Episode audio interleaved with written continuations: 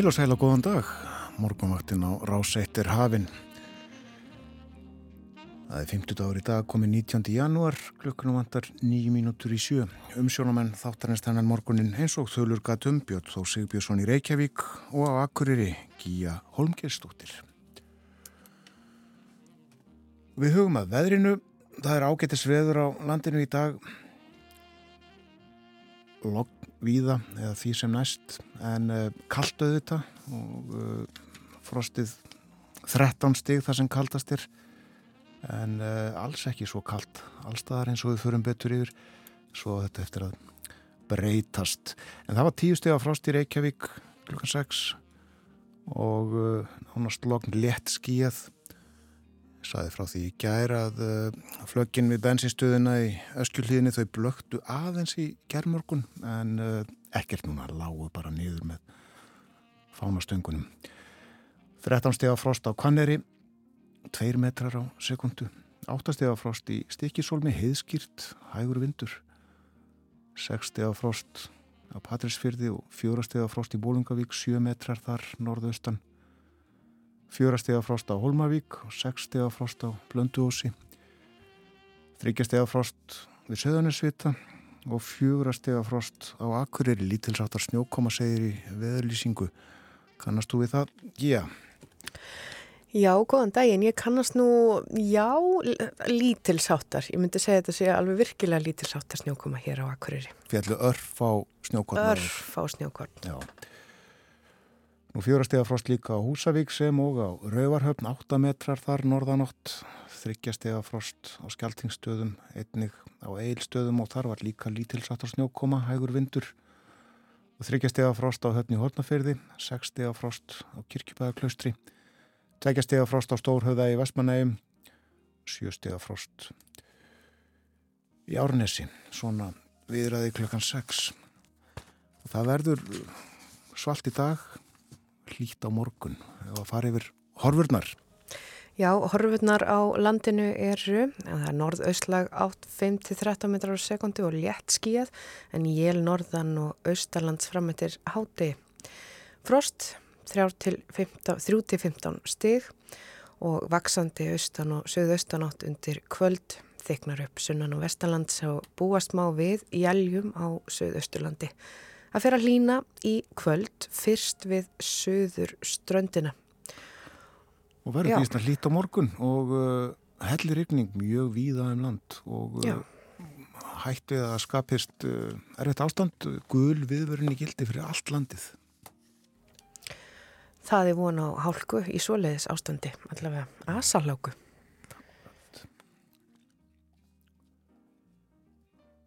Meira en um veðrið á eftir eh, sjáum hvað vegagerðin segir. Hvort hún vari við ástandi það er hálka eða hálkublettir á nokkrum leiðum á Suðvestulandi eh, hálka á helstu leiðum á Vestulandi og eh, hálka eða snjóþekja á Norðurlandi mjög víða, þæfingur á Siglufjörðavegi þungfært á þverjárfjalli þungfært á þverjárfjalli snjóþekja hálka og jæljagangur víða á Norðausturlandi og þæfingur á Hóvaskarði, ófært á Hólasandi. Og það er þungfært á Faradal, snjóþekja eða hálka víða annar staðar á Östurlandi, þæfingur á Róastunguvegi, ófært á Vaskarði Eistra, greiðfært að mestu fyrir sunnan Breiðdalsvík. Og hálka eða hálkublettir á Suðusturlandi á leginum, milli, veginum milli e, Víkur og Kvískerja, greiðfært þar fyrir Östan og hálka eða hálkublettir á flestum leiðum á Suðurlandi. Það er ímislegt á dagskrá morgunvaktarinnar í dag, uh, tal og tónar, allt með hefðbundnum hætti hjá okkur og uh, já, tónar segi ég, fyrsta lag þáttarins þennan morgunin flytur Johnny Cass.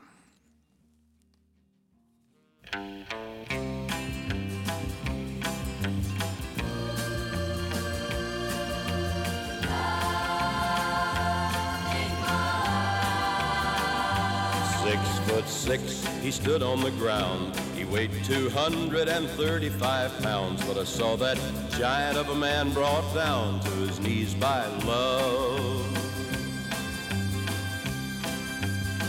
He was the kind of a man that would gamble on luck, look you in the eye and never back up.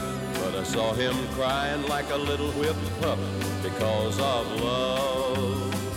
Can't see it with your eyes, hold it in your hand. But like the wind that covers our land, strong enough to rule the heart of any man, this thing called love. It can lift you up, never let you down, take your world and turn it all around. Ever since time, nothing's ever been found that's stronger than love.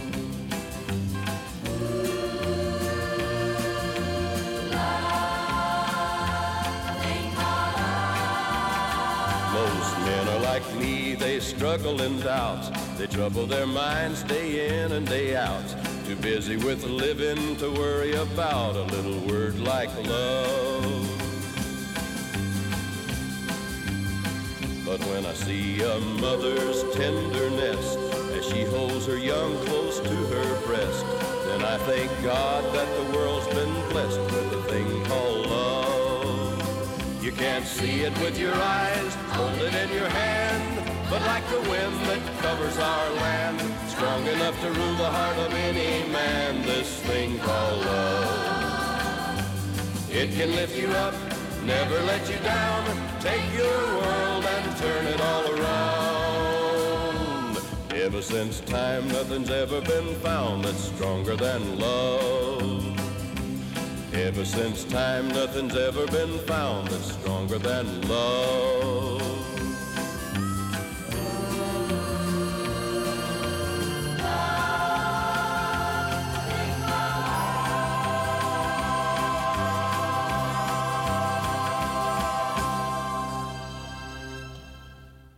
Thing Called Love söng Johnny Cass Ástinn síkilt umfjöldunarefni í daglögum Það líður að fréttum hjá okkur uh, nefna það að uh, margir íbúar höfuborgarsæði sem þurfa að breyta út af venju sinni. Þar að segja þeir sem að sækja sundlegarnar sundlegarnar eru lokaðar uh, þar að segja þær lögar sem að fá vatn frá veitum veitum orkuveitunar já það vantar vatn, heitt vatn í lögarnar en uh, ég sá að lögin á seltjarnis er opinn margir kannski sem að sækja hana þennan morgunin en uh, sundlegin á Akureyri er hún ekki opinn, gefistu það? Jú, hún er nú opinn, það skils mér. Að það sé ekkert verið að loka henni þó að þessi kuldatíð ríki. Nei, nægt heitt vatn á Akureyri. Allavega nóg til þess að hafa sundlögun opna. Akkurat, akkurat. Við fáum fréttir hér eftir uh, stuttastund uh, rétt rúma mínútu og eftir fréttinar fyrir við uh, yfir dagskráð þáttarins þennan morgunin.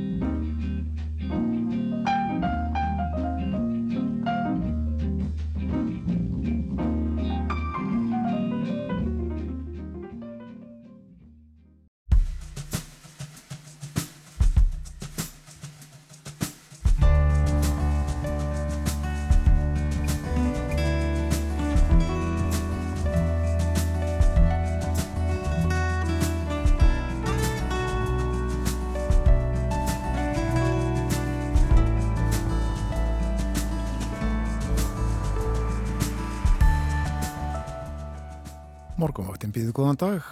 Það er 50 dagur, þetta er 19. dagur, janúar mánadar og jáfnframt síðasti dagur mörsugs. Þorri hefst á morgun með sínu súrmeti og skemmtunum. og umsjá með þættinum í dag hafa Björn Þór Sigbjörnsson og Gíja Holmgistóttir og það er eitt og annað á dagskrá, það eru erlend málefni, byggðamál og svo þetta, já, sjálfuð þjóðsöngurinn. Já, við ætlum að fjalla um þjóðsöng okkar Íslandinga og Guðu Vors lands. Við heyrum hann oft þessa dagana, oftar en vanalega eins og reyndar alltaf á þessum ástíma þegar stórmóti handbólta fara fram En nú ber svo við að fyrir leikina á HM í Svíþjóð þá er leikin útgáfa sem er óinni hröð og svo hröðraunar að Gunstein Ólafsson, tónskáld, segir þjóðsöngin afskræmdan og að brotin sé sæmdaréttur höfundar. Gunstein verður hjá okkur hér á morgunvaktinni klukkan hálf nýju, við ætlum að spjalla um þjóðsöngin og uh, fá að vita hvernig beri að fletja hann og við ætlum líka að tala um þjóðsöngva almennt og heyrum brot úr nokkrum velvöldum.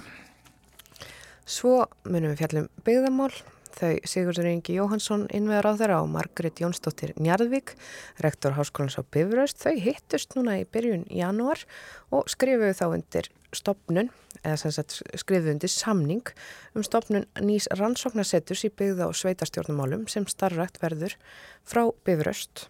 Og við ætlum að forveitnast um þetta nýja rannsóknarsettur og á línunni verður hún Margret, rektor Háskólans á Bifröst, sem að mun segja okkur allt um já, hvað þetta setur mun gera og rannsóknir í byggðamálum og svona byggðamálum almennt og við heyrum líka af lífinu og tilvörunni á Bifröst og hún verður á línunni hjá okkur uh, eftir áttafréttir. Akkurat. Og Bói Ágússon verður líka með okkur, sest við heimsklukkan klukkan halv átta og við ætlum að líta til Úkrænu, eh, við ætlum að fjalla um óskýr Úkrænumanna, það er sefnis að vina þjóðir látið á að fá öflug vopn, það hefur staðið á því. Vardamálar á þeirrar NATO-ríkja hittast í Ramstein í Þískalandi á morgun og ræðamálið. Einhvern veginn svona verður morgunvaktin þennan morgunin og uh, ég held að það sé rétt að fara yfir veðurhorfurnar fyrir fólk sem var að vakna. Kíja, þú ert með þær við hendina eða ekki? Jú, ég er með veður horfurnar og, og það er skemmtilegt að segja frá því að þegar við rættum hérna fyrir sjöfrettir í morgun eh, varandi snjókomu og akkurýri og ég sagði að það væri eiginlega engin snjókoma svo bætti aldrei sí. Já. Þannig að nú er bara um tölur snjókoma hér á akkurýri. En veður horfur á landinu eru svo hljóðandi. Það er norðaustleg átt 5-13 metrar á sekundu og létt skíjað en jél norðan og austalands fram eftir háti frost 3-15 stig.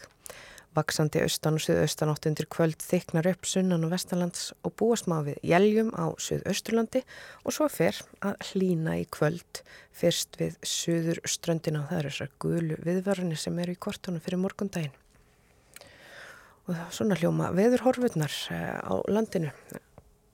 Og ef við tökum aðeins hérna inn lengra inn í, inn í já, fram á morgundaginn, gengur í söðaustan hvassviðri að storm í nótt með snjókomu sunnan og vestan til en síðar rigningu eða slittu talsverðið að mikil úrkoma um tíma en lengst af þurft norðanlands. Hlínandi veður hiti 5 til 10 stig síðdeis. Já. Það snjóra á uh, vegum á vestfjörðum, þæfingur á stengrinstfjörðarheiði, eh, strandavegi og hluta innstrandavegur, þungfært á þröskuldum, ófært norður í Árnesrepp og uh, snjóþekja víða á Norðurlandi, þæfingur á syklufjörðavegi, þungfært á Þverárfjalli, þæfingur á Hóaskarði, eh, ófært á Hólasandi, jæljagangur annars víða á Norðustulandi, þungfært á Fagradal, þæfingur á Hróastunguvegi, ófært á Vaskarði Eistra og uh, hálka á öðrum vegum, þjóðvegum, sínist mér á tilkynningunum frá vegagerðinni þennan morgunin.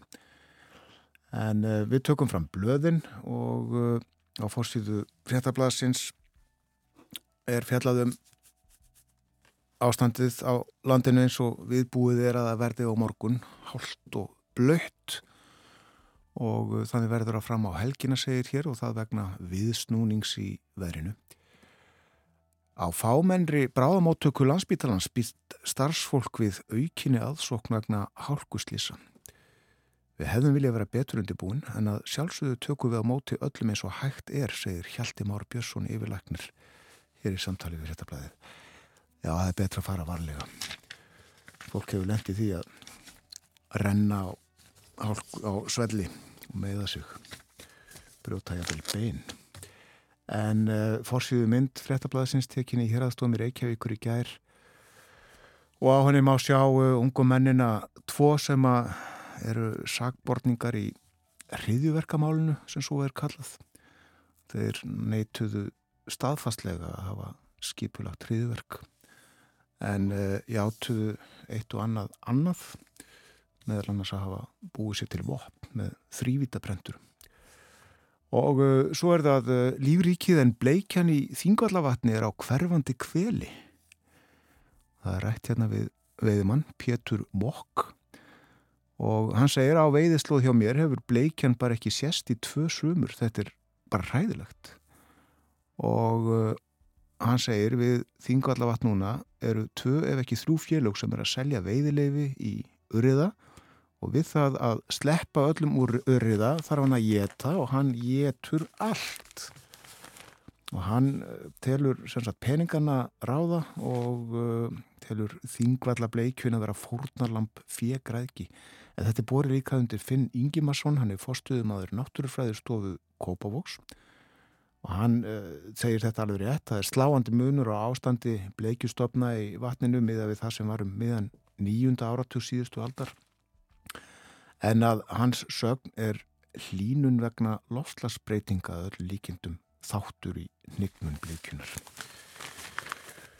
og á fórsíðu morgunblæðsins má sjá Gísla Þorgir Kristjánsson leikstjórnanda handbólta landsliðsins um það bilað komast í skotfæri í eh, leiknum gegn grænhauða eigum í gær. Hún lög með stór sigri Íslands, tíu marka munur 40-30 og næsti leikur Íslands á morgun gegn svíjum og svo er hér á fórsíðu morgunblaðsins sagt frá hugmyndum sem að uppi eru um að reysa líforkuver á Disneysi við Eyjafjörð. Disneys er rétt innan við Hjalteri kostnaður uh, við slíkt ver, líforkuver geti orðið um 5,1 miljardur og reksturinn er talin borga sig upp á 15 árum ef bjart sínustu áallanir um framleiða reksturinnum ganga eftir og það er vísa hér í frum hagkvæmnis mat sem að unnið hefur verið á vegum samtaka sveitafélaga og atvinnutróunar á Norðurlandi eistra. Í líforku veri á að vinna verðmætti úr lífrænum úrgangi og búfjár, á, búfjár áburði sem að fellur til á svæðinu sem annars færi í súgin og geti því verið af þessu tvíþættur ávinningur og helstu afurðnar úr svona veri, líforku veri eru metan, lífdísill og molta. Svo er það uh, þetta hér, það er búið að fella nýður uh, þetta mál á hendur S.A.A. sem að sjúkratryggingar vísuðu til saksóknar, satt frá þessu á fórsíðu morgunbladsins. Þannig var að fórstjóri sjúkratrygginga sendi hér að saksóknara mál frá eftirlit stild sjúkratrygginga Það varðaði meðal annars þúsundir reikninga sem að ráðgjafar S.A.A. sendu til sjúkratrygginga og eftirlit stildin taldi tilhæfu lausa. Og þetta er sem sagt eh, búið að vera til skoðunar hjá ennbætti hér að saksóknara og þar á bæ hafa menn komist að því að það sé ekki ástæða tilhæfni til að aðhafast frekar til að þess að eh, gefa át ákjæru uh, málið felt niður og uh, þetta er búið undir önnu hildi Guðmundsdóttur sem er formaður S.A.A. Hún segir Þetta þýðir að eftir allt það hafari sem fór af stað í byrjun 2021 er ekkert aðtöðavert við það hvernig við unnum og vinnum. Þetta voru íslensku blöðun þennan morgunin. Það er sagt uh, frá því öllum helstu fjölmjölum heims og við herðum annars að því í uh, fréttunum hér áðan að uh, það standa fósættisáð þeirra skipti á nýja sjálfandi fyrir dyrum. Jacinda Ardern ætlar að hætta. Já, hún að hætta. Hún tilkynnti þetta í nótt um, að íslenskun tíma og hún að láta af ennbætti bara já, mjög fljótlega um, fyrir 7. februar. Hún segist ekki hafa nóg á tánknum til þess að leiða lengur en segir að þessi sex ári ennbættinu hafi verið já, mjög krefjandi og tekið sinn toll en enga síður verið þau mest gefandi í hennar lífi. En sem sagt, það eru kostningar fljótlega í eh, Nýja Sjólandi eða þær verða í haust 14. oktober og ja, þessi tilkynningarna sem að kemur nú svolítið svona eins og þrjumár hefurskýru lofti, hún kemur samt í framhaldi af uh, skoðanakonunum sem að benda til þess að verkamannaflokkurinn já, muni eiga í ykkurum erfileikum fyrir kostningarnar. En uh, það verður sem sagt kosið, þingmennverkamannaflokksins munu kjósa um eftirmann hennar uh, núna á sunnudaginn samkvæmt uh, BBC sem ég er, hérna, er að lesa frettina af og finna þá staðgengil hennar.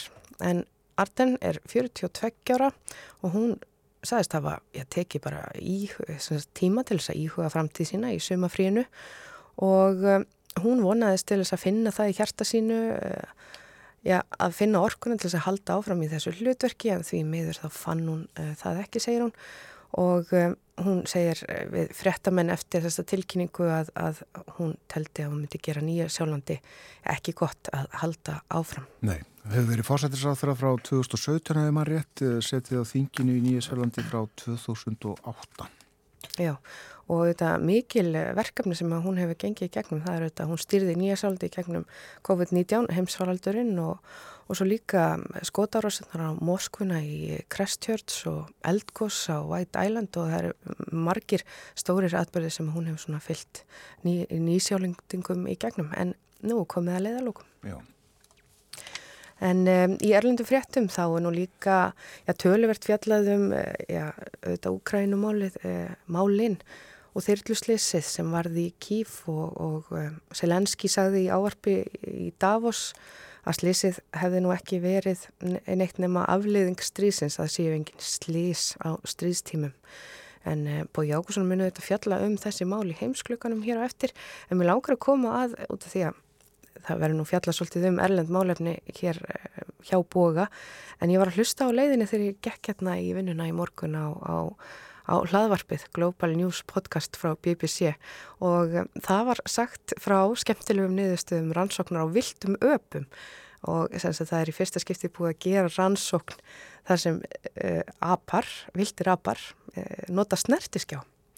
Og fyrsta tilraunin þá áttu þeir að íta á ferning, bláan ferning sem að hérna var kjörr og síðan uh, gáttu þeir ítt á bláan ferning sem var á hreyfingu og núna eru þeir færnir að horfa á myndefni sem að sínir aðra apa í náttúrunni og, og þeir fá kortna launum og, og það kom fram að það eru ungir karlapar og eldri kvennapar sem eru forvittnust um þessa nýja tækni.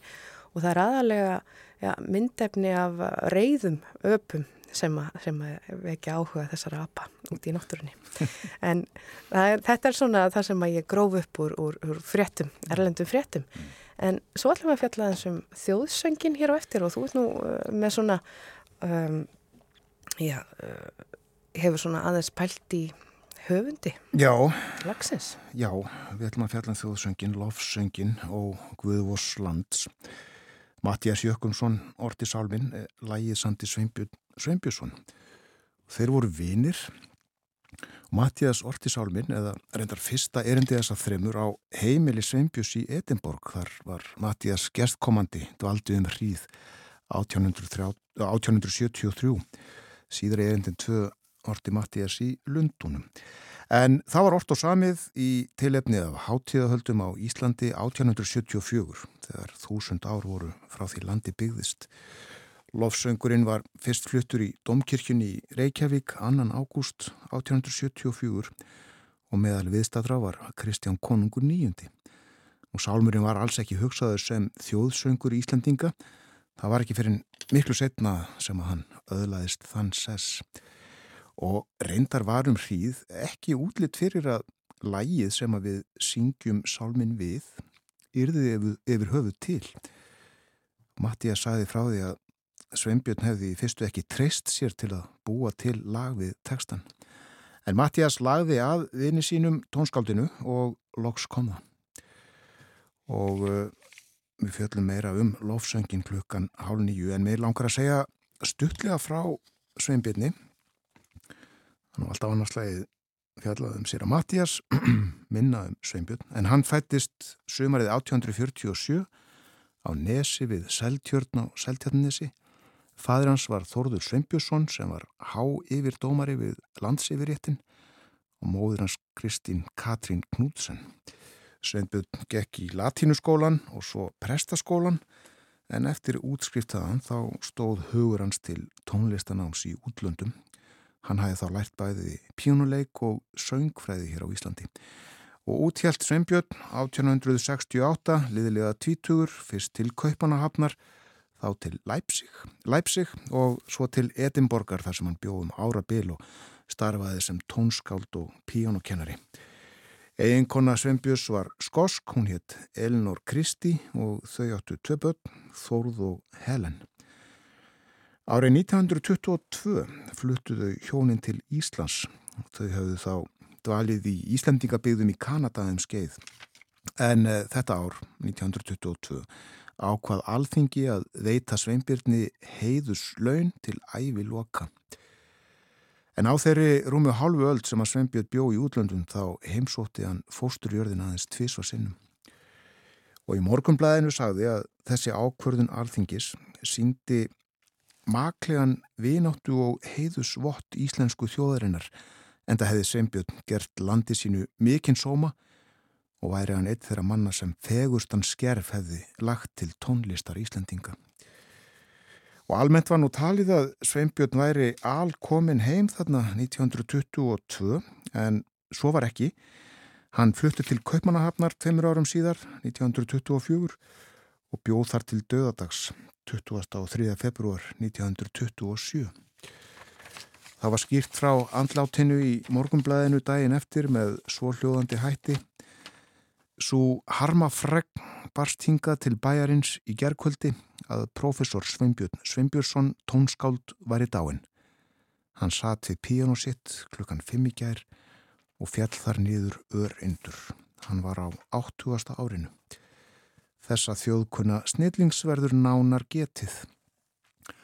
Og daginn sem Sveinbjörn var jarðsungin, saði bladið, að sjálfsögðu verður hans minnst meðal söngelskandi manna fyrst og fremst af því að tónverk eru til eftir hann sem lengi munu gildi halda og af því að svo vil til að hann er fyrst í Íslandingurinn sem unnið hefur sér nafnið tónskáld, ekki einungis innan heldur og utan landsteina Íslands. Og minningarorð voru fluttum Sveinbjörna og enga rekinni útarstöðu sem að var starrakt á þessum tíma í Reykjavík, Ríkisútarpið hafið þá ekki hafið starfsemi, viðvarp var útvarpið kallað þá og þar sagði Sveinbjörn mann í Kyrþei, hann var hólátur maður og létt lítið yfir sér, honum var þó mikið ágengt því að hann var einlægur og sannur listamaður. Ævistarf hans var mikið og fagurt og mun lengi geimast. Hann náði heimsfræð og marskonar virðingum og alltaf var hann sama yfirlætislausa prúðmennið. Þjóðin öll elskaði hann og virti. Í lifanda lífi var Sveinbjörni sínd marskonar virðing áður en nefnt að alþingi veitti honum heiðuslaun 1922 til framfæslu. Kristján Níundi færði honum heiðurspinning úr gulli fyrir hátíðalagið 1874 sem að síðar var þjóðsöngur okkar Íslandinga. Hann hlaut uh, Rittarakross og Stórrittarakross, Dannebroks ordunar dönsku fyrir tónverk og hljómleika. Hann var sændur profesorsnabbót við Háskóla Íslands við stofnum skólans 1911 og fálkaorðuna íslensku hlaut Sveinbjörn 1923. Við látum þessari stuttu umfjöllun um tónskáldi Sveinbjörn Sveinbjörnsson lokið. Hlustum á lag eftir hann. Hér er uh, sprettur Hannes Hafstein orti ljóðið. Eirikur Hreitn Helgason syngur Bjarni Þór Jónartonsson leikur á pianoið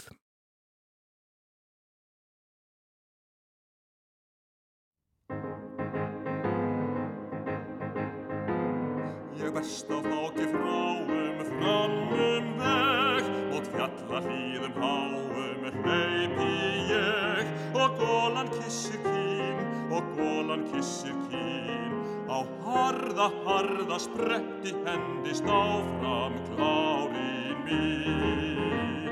Það er sem fjalli fljúi móti mér sem kolfur lofti kljúfi klárin fér og lund mín er svo létt og lund mín er svo létt. Eins og gæt hei görfa lífið geisa fram í einum sprett hver fjör í æðar færist fóknum með, hver hjarta léttar hrærist, hlær við geð, að finna fjörtökstinn, að finna fjörtökstinn. Þú ert best í gæða gammur, góði léttir klárinu. Hver háttan liftir nakka, hvessir brá og hringar reikin makka, orfið á. Skoð faxið flaksast til, skoð faxið flaksast til. Grundin undir syngur söng, var slétti létti sofa spil. En læg nú sprettin léttir lístu á, við eigum brekku eftir,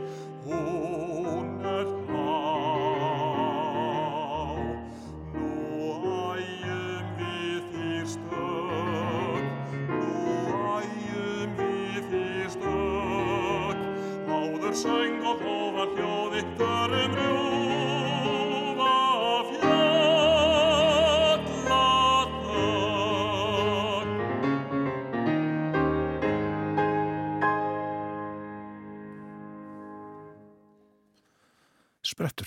Eirikur Hreitn Helgason söng.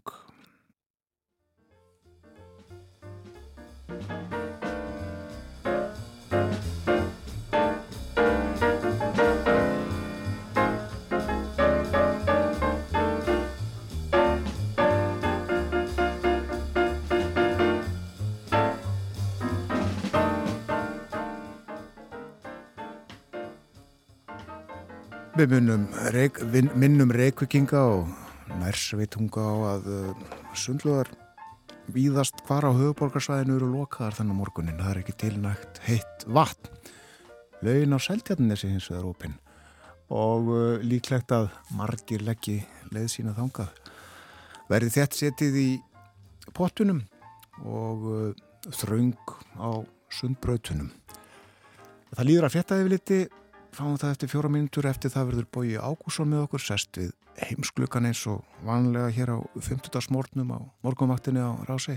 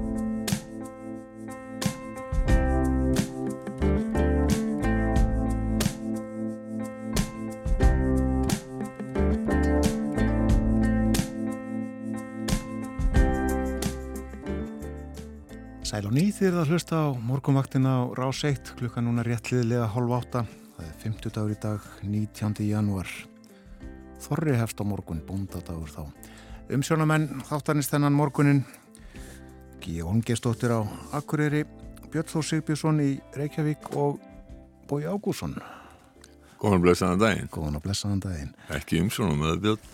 Ekki þessa vikuna. Ums, Nei, þú varst hér í síðustu viku Jú, jú, að leysa það, já. Hafðu þér bara gaman af þetta ekki? E, Ég hefði mjög gaman að því. Það er öll störf nánast í fjölmiðlum sem að mér finnast skemmtileg og, og það er ekki hverjum sem er gefið að uh, á áttræðisaldri að frá að prófa eitthvað alveg, alveg nýtt. Ég hef aldrei verið að stjórna svona tvekja tíma útvastætti eða, eða með, verið meðstjórnandi í tvekja tíma útvastætti.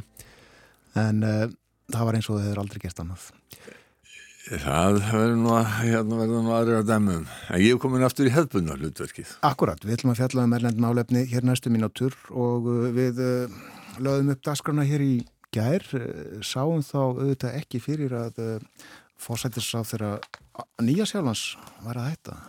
Nei, það er eitt af því sem er náttúrulega skemmtilegt að vinna við fjölmiðla er að uh, það gerast hluti sem að síður ekki fyrir og veit ekki af og uh, það gerðist náttúrulega í, í nótt að, að uh, fórsættis, eða nótt okkar tíma að fórsættis á það nýja sjálfans Jacinda Ardern, hún tilkynnti það að nú er þetta bara komið nóg hún var í hætt Já. hún er 42 Já, það er ekki hár aldur uh, í stjórnmálum. Nei, það er það ekki og uh, hún tók við fyrir hvað 2017, það er að fara að verða sex ár síðan. Um, og uh, var þá yngsti fórsættisráþara heims kvenkins. Og uh, þeir eru nú ekkert allt og algengir.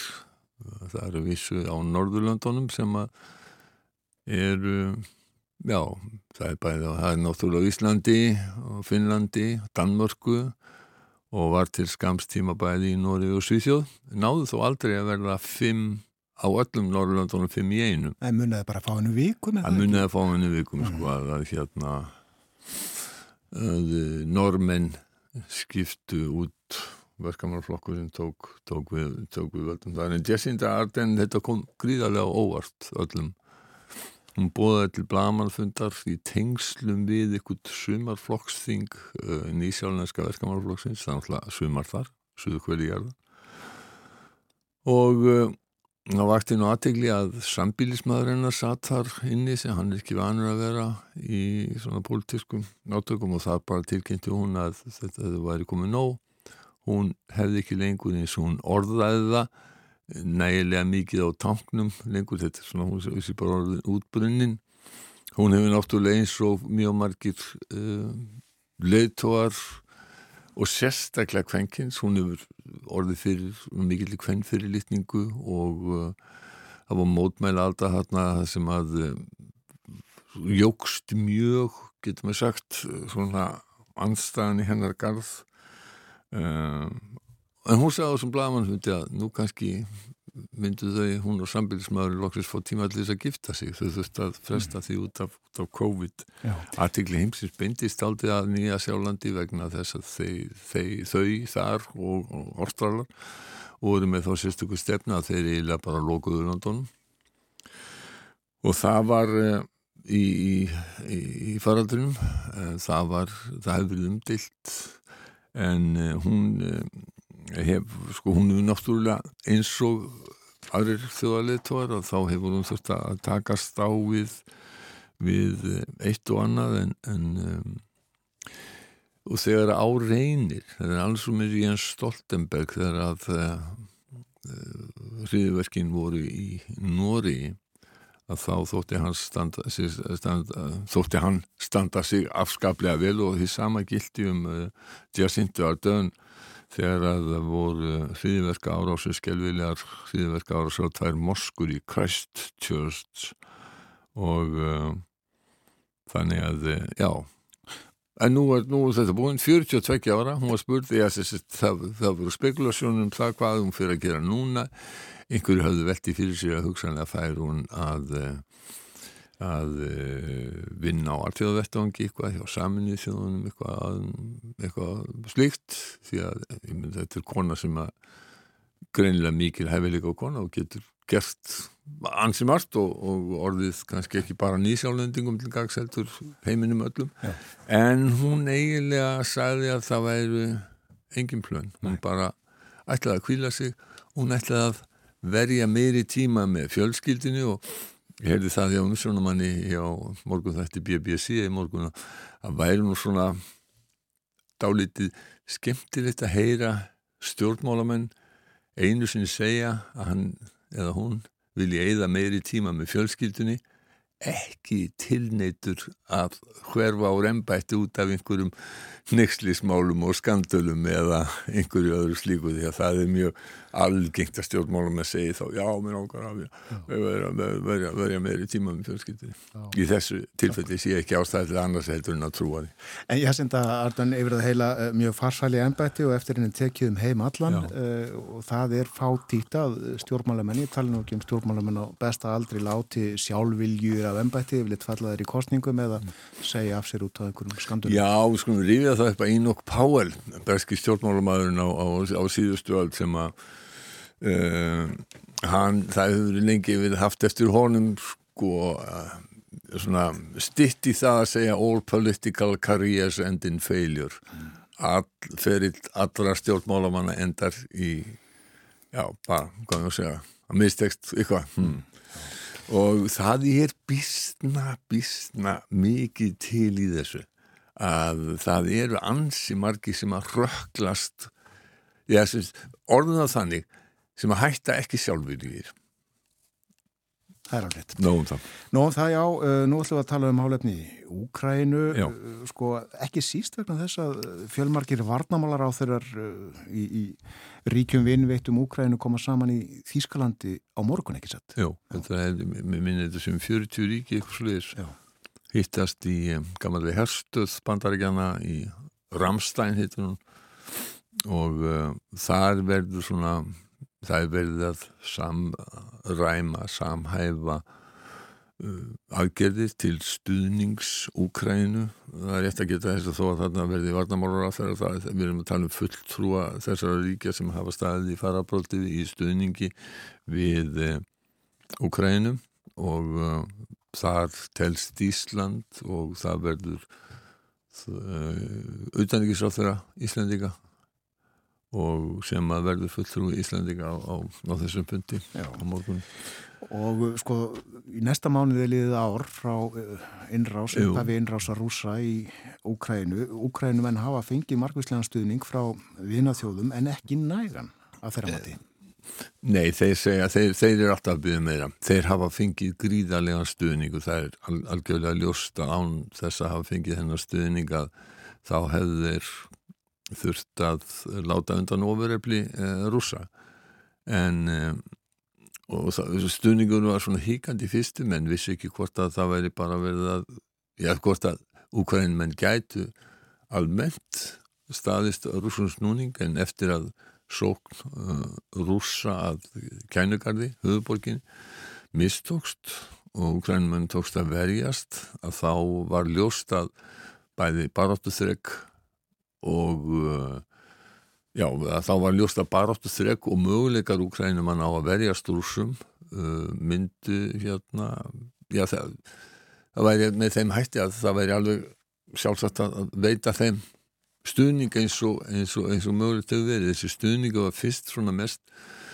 einhvers konar, ég hafa náttúrulega frækt sko, eða alræmt að um, það var nú ekki allt svona beinlínis vopn því að Þíski varnamálur á þeirra sem að núna er fókin, hún, hún lofaði 5.000 hérna, hjálmum, hérhjálmum, sjálfhjálmum, en það var nú svona meira konkrétt ímislegt sem að þeir fengu frá öðrum og, og uh, fyrst voru þetta svona aðalega vopn til þess að verjast, þetta voru svona skvítrega varnarvopn og uh, síðan og, og svo náttúrulega loftvarnavopn og, og annað slíkt en, en, en síðan hafa þeir fengið æg fullkomnari uh, vopnakerfi.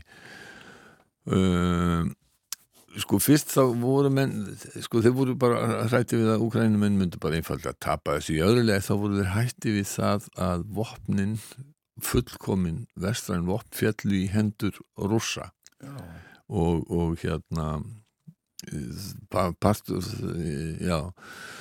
Sko þetta maður má kannski segja stærsta breytingin að þessu var þegar að bandaríkjaman sendu úkrænumönum svo kvölda hæmarsflugskiti þau hefa gert úkrænumönum kleifta ráðast á skotnork sem eru langt inn á yfiráðasvæðum rúsa og það er alveg klátt sko að vestræn vopp gerðu útslægi þegar að uh, í þeim sigurum sem að uh, úkrænumenn unnu uh, sent á síðasta ári þegar til dæmis röktu rúsa frá, frá Kharkiv. Og uh, þeir hafa fengið líka svona loftvarnakerfi og eru að fá fullkomin Patriot uh, já fullkomin Patriot loftvarnaflögar frá bandaríkjónum og raunar frá fleiri vestrænum ríkjum sem hafa fengið þessi kerfi frá bandaríkjónum já Um, þeir hafa hins vegar ekki fengið það sem þeir hafa beðum frá Ísrael. Það Ísraelsmenn eiga mjög uh, fullkomi loftvarnakerfi og þeir hafa ekki fengið það. Það er Benjamin Netanyahu er, uh, sem nú er tekin aftur við sem fórsættisáður Ísraels. Hann vil já, við skulum bara segja eins og er hann og Vladimir Putin hafa löngum átt skap saman. Mm og uh, Ísraelsmenn vilja ekki styggja að rúsa þannig að það er ólíklegt að þeir fá eitt eða neitt frá Ísrael. En aðeins með vopnin, mm. það er ekki sama varnarvopn og árásavopn Sko stundum er ekki tægt að draga einhvern greinamun. Sko, þannig að loftvarnarflögar eru augljóslega varnarvopn. Skriðdreikar geta bæði verið varnarvopn og sóknarvopn. En skriðdreikar til dæmis eru algjörlega nöðsynleir ef að úkrænumenn Eh, vilja hrinda því sem að menn telja að verði stórsókn og rússa einhver tíman eh, aðeins setna á þessu ári. Og ef að þeir sjálfur vilja eh, fara í stórsókn til þess að reyna að reka rússa frá þeim svæðum sem að þeir hafa hernumið að þá eru skriðdrekar uh, hluti af þeim vopnum sem eru algjörlega nöðsynleir til þess að, að vinna sigur á rússunum. Og húkrænum en eiga skriðdreka? Þeir eiga skriðdreka og þeir eru hins vegar frá sovjettíman ja, raunverulega byggðir á, á sovjetskum T-72 og T-80 um, uh, skriðdrengur sem voru fyrst framleiti sko um miðjan áttunda áratug síðustu aldar. Mm. þannig að við erum ekki að tala um eitthvað sem er alveg splungun nýtt en þeir hafa náttúrulega verið endur nýjar aðarskritir ekki þeir er kallað T84 en þeir vil, vilja og hafa lungum beð vestræðinríki um uh, Abrahams ameríska skritreka uh, Breska Challenger 2 og Þíska Leopard 2 skritreka. Og þetta er miklu fullkomnari skritrekar heldur en að þessi sem þeir eiga Breitarnir hafa reyðið á aðið og, og hafa lofað þeim held í 12 eða 14 challenger skriðdregum. Finnar og pólverjar vilja lá, láta úkvæðinum en fá Leopard 2 skriðdrega þíska en þeir þurfa leiði þjóðverja til þess að uh, fá að uh, flytja þá til úkvæðinum. Uh, og það hefur eitthvað staðið á sliku leiði frá þjóðverjum? Já, það hefur það og um, Sjóls uh, kanslari var nú að áarpa þarna en hann fundi í Davos í Svissi gær, hann myndist ekkert á skriðdrega og kom sér hjá því að svara öllum spurningum með skriðdrega en menn bú, að fólk býst almennt við því að á þessum fundi á morgun þá verði teknan einhverju ákvarðan eða tilkynntum ákvarðanir um það að Ukrænumenn fáið þungavopn.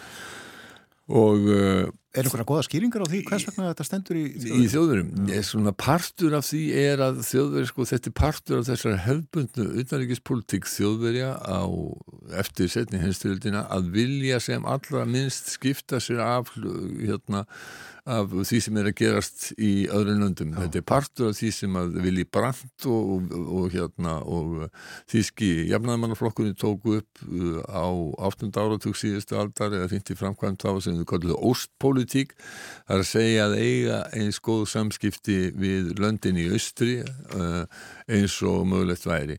Og það er sko mjög mikil hluti ráðamanna í jafnæðmannaflokknum þíska er svona uppalinn í þessari pólitík þannig að það hefur ekkert gengið neitt óskaplega, óskaplega hérna, vel að fá, fá þetta já svona að fá, fá þetta breytt en hins verður að benda á að varakanslari E, Þískalans Robert Habeck sem er uh, raunar úr uh, hérna, sem er græningi hann sagði sko fyrir nokkrum dögum að það væri, væri það er því ramt af þjóðverjum að, að meina finnum og pólverjum að senda uh, úkrænumönu leopardskritika hann er, það má búast við að hafa verið tilkynntum um, eitthvað uh, af uh, þessu tægi. Úkrænumenn vilja líka fá langdrægari sko hæmarsflugskeiti og svo vilja það fá vestrænar orðustu þóttur.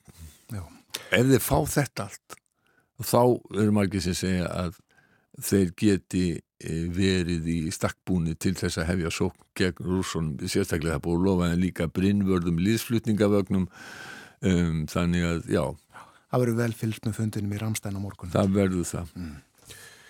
Ef að fara stutlega til uh, Skotlands? Já, við skulum gera það. Þar er í uppsýklingu mikil deila á milli sko, stjórnana í Lundunum og Edinborg. Og það er vegna þess að skorska þingi samþykti lögum kynrænt uh, sjálfræði hittir það. Eh, það eru til víða, mjög víða eh, slík lög hér á Íslandi.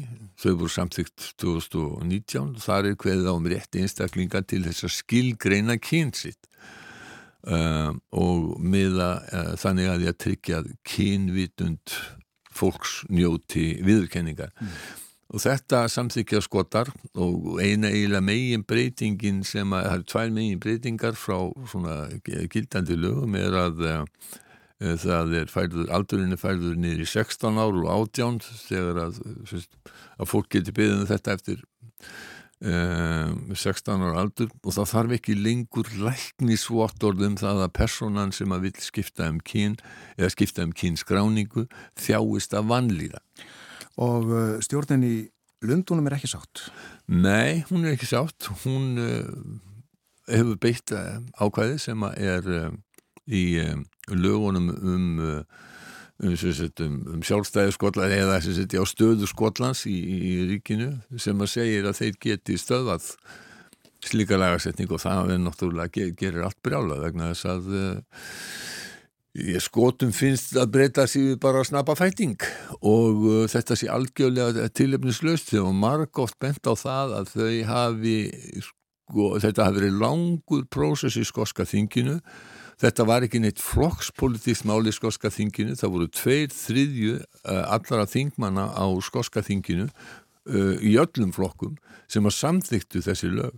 Og þetta mál er líka deilumál innan allara stjórnmálflokkan á þinginu í Lundunum en stjórnin hún tók þessi ákvöldun og það er þungt í Nikola Sturgeon, við skulum bara heyra aðeins í uh, fyrsta ráð þeirra Skotlands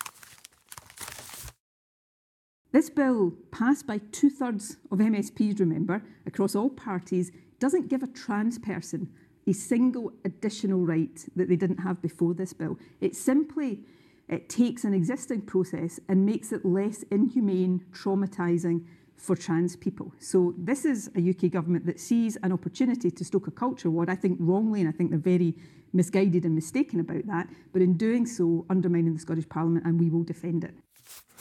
Hún er bend á það, Nikola Sturgeon, að um, þetta auki alls ekkit réttindi eh, eins eða neins, en þetta auðveldi fólki að fá að leiri þetta kynskranninguna og þetta sé bara sko að, að breskastjórni sé með þessu að efna til það sem hún kallar kultúrstyrjaldar eða culture war svona menningarstyrjaldar við, við skota og það vilðist vera voðalega einkennlegt af hverju af hverju þeir ætla að, að breska stjórnallar hjóli í þetta. Alistair Jack uh, sem er uh, ráð þeirra, bresku stjórnallar gerði grein fyrir afstuðu þeirra í breska þinginum. I have not taken this decision lightly and it is our assessment that the bill would have a serious adverse impact, among other things, on the operation of the Equality Act 2010. Those adverse effects include impacts on the operation of single sex clubs, associations, and schools, and protections such as equal pay.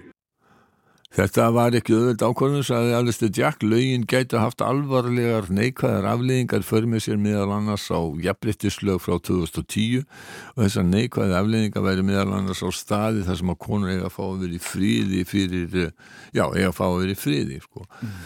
Bara konur hafa aðgang. Um, en sko maður mað, mað sér ekki alveg uh, sko tilgangin hjá bresku stjórninni uh, að uh, vegna þess að sko þetta hafði farið aðeins skánandi. Sambúð stjórnana í Edinborg og Lundunum hún var mjög styrð alla stjórnatíð Boris Jónsons og versnaði þann stuttartíma sem að Liz Truss var fórsættis á þeirra hún hafði ekki eins og fyrir því að hafa samband við Uh, Nikola Sturgeon allan þann tíma allan þann, allar það er þrjár eða fjóra viku sem hún var, var fórsættis á mm -hmm. uh, Rissi Súnak ringdi á fyrsta degi. Uh, og það virtist fara nokkuð vel á meðan þegar þau hittust núna fyrir nokkur dögum og, og, og snættu kvöldvar saman. En svo bara allt komið í hnút aftur Já. og uh, skotar eru mjög sárið við því að breska stjórnin ljáir alls ekki máls á því að það verði önnur þjóðarættkvæða greiðslega um sjálfstæði Skotlands. Já. Þannig að við höfum eftir að heyra meira af þessu Björn Þór. Það er rétt, uh, þú myndist á Boris Jónsson. Uh, já, hann ætlar að fara að skrifa einminningar sínar og það var maður sem heitir Henry Manns bladamaður á Financial Times sem að startaði umræðu á Twitter, Twitter. Ég er ekki á Twitter og ætla ekki að vera á Twitter svo lengi sem að Elon Musk uh, leifir fólki hérna já, ímsum mjög skvistnum að vera, vera á Twitter. En, en hérna uh, manns þessi, hann spurði fólkum sko mögulegum nafn á, á, á, hérna, á minningum uh, Johnsons úr að frá tíma sínu sem fórsættir sá það og það hefur sko, það hefur þúsundir upp á, af uppástungu sem hafa komið og ég held að enginn af þeim síðan hana heldur henni sko hæðinn og, uh, og veldi sér upp úr því að Boris Johnson líga löpur sem að raktist uh, úr ennbætti um, eitt af því þið fyrirgefum mér ekki tíma að þýða þetta sko, this time I'm telling the truth Lord of Lies er annað sem hefur verið um, og hérna My Life in a Fridge líf mitt í, í, hérna, í kæliskap það vegna þess að hann raktist tíðan undan uh, frettamönnum þegar hann var í heimsókni í mjölkubúi raktist inn í inn í, í stóran kæliskáp ja, ja. og þetta er yfir upp í því líf mitt í hérna, líf mitt í ískáp uh, Sex, Lies and Partygate sem er út af snúningur á myndinni fræðu Sex, Lies and Videotapes uh, og það er það er sem sagt Stóð ekki á tillögum? Nei og, og menn skemmta sér stórkostlega yfir því að búa til nafn á þessa verðandi minningabók Boris Johnsons úr uh, Táningstæti 10 Já kannski alveg blá lokina því að uh, hér var uh, Musk nefndur, Elon Já. Musk, hann hefur sett afsett heimsmynd. Já, það var nú svo skemmtilegt að, að heimsmyndabók Guinness, að hún uh, slóð því fram að enginn hefði tapað jafn miklu af peningum á jafn skamum tíma og Elon Musk og það er daldið skemmtilegt með vonandi að það verði ekki hérna slegið. Þetta eru sko einhvern 182 2 miljardar bandaríkjadala uh, frá því í november 2021 við skulum ekki reyna að, að hérna, segja hversu margar hérna, hversu marg uh, hver, hver þessi upphæð er eða hvað, hvað þetta væri útgjöld ríkisins í, í mörg ár. Það þarf betri starfræði heila en mig til þess að rekna það. Takk í dag bói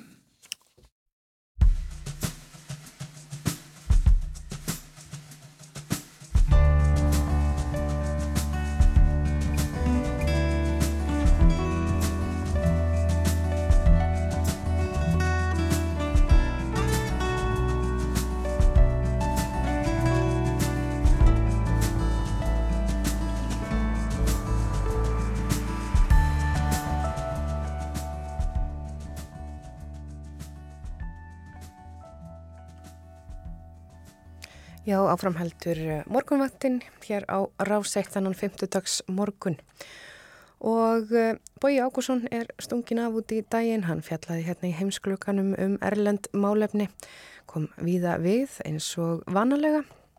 Og svo hér í lók uh, þáttar þá ætlum við að fjalla um þjóðsöngin, hann Gunstein Ólason, tónskald og tónlistamæður kemur til okkar og, og já, við ræðum þjóðsöngin og sögu hans og ímislegt því tengdu en, en það hafa margir tekið eftir því á leikum Íslands núna á heimsmyndstaramótunni handbólta að þjóðsöngurinn er leikin, já, tölvert rætt og uh, það, uh, já, þykir mörgum það miður.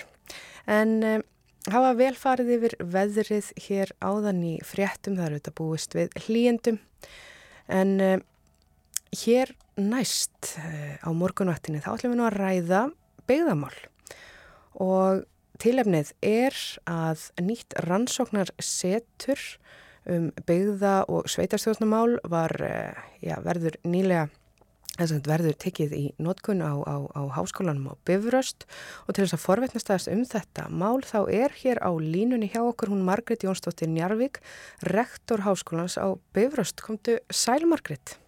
Já, góðan og blessaðan daginn. Góðan og blessaðan. Um, það er nú búið aðeins að tala um veðrið í morgun en, en það er nú alltaf gaman svona að heyra í fólki og lýsa veðrinu. Hvernig er veðrið núna á Bifröst þannan 15. morgun?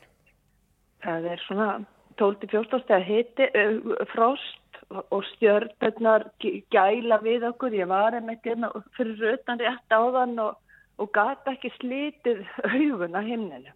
Já. Það er ekkert fallar heldur en svona vetrastillur og lokn.